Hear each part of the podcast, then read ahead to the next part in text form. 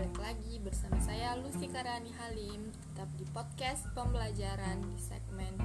Kali ini kita bakal tanya jawab soal pertanyaan-pertanyaan yang udah ada Dan kita bakal menjawabnya. Langsung aja kita ke pertanyaannya. Dalam transaksi online ada dua model penjualan yaitu dropship dan reseller. Bagaimana analisa fikih keuangan kontemporer mengenai dua model tersebut?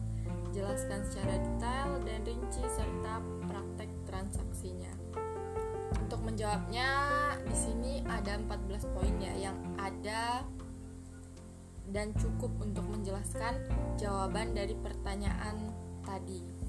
Yang pertama ada praktek lapangan produk bisnis yaitu pada produk penjualan produk baik bukan milik sendiri dengan modal modal tidak besar atau dropship dan produk yang sudah tersedia lalu mengambil keuntungan dari selisih harga barang atau reseller. Yang kedua, parameter kesesuaian syariah diperbolehkan karena menggunakan akad-akad yang sesuai dengan syariat. Yang ketiga, ada adab etika Islam diperkenankan karena ada kejelasan dalam proses penjualan produk. Yang keempat, ada usul fikih yaitu barang siapa memperkerjakan pekerja beri, beritahukanlah upahnya. Poin yang kelima ada kaidah fikih yaitu pada dasarnya segala bentuk muamalah diperbolehkan kecuali kecuali ada dalil yang mengharamkannya atau meniadakan kebolehannya. Poin yang keenam ada makosid syariah menimbang bahwa hal ini untuk kemaslahatan yang ada dan sesuai dengan ketentuan serta akad syariah maka DSN memperbolehkan. Poin yang ketujuh ada akad-akad syariah. Di sini ada akad ijaro, bayi salam, jual beli, samsara. Poin yang kedelapan ada konsep fikih muamalah.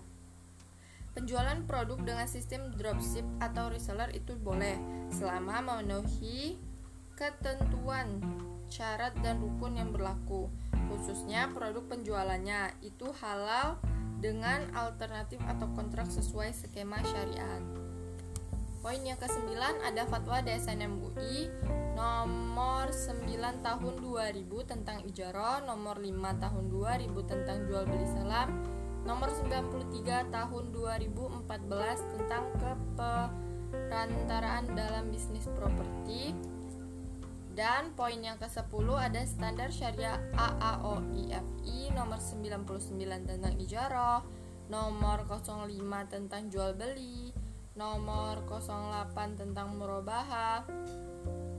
Dan poin yang ke-11 undang-undang dan regulasi tercantum dalam peraturan Menteri Perhubungan nomor 5 tahun 2005 tentang penyelenggaraan jasa titip.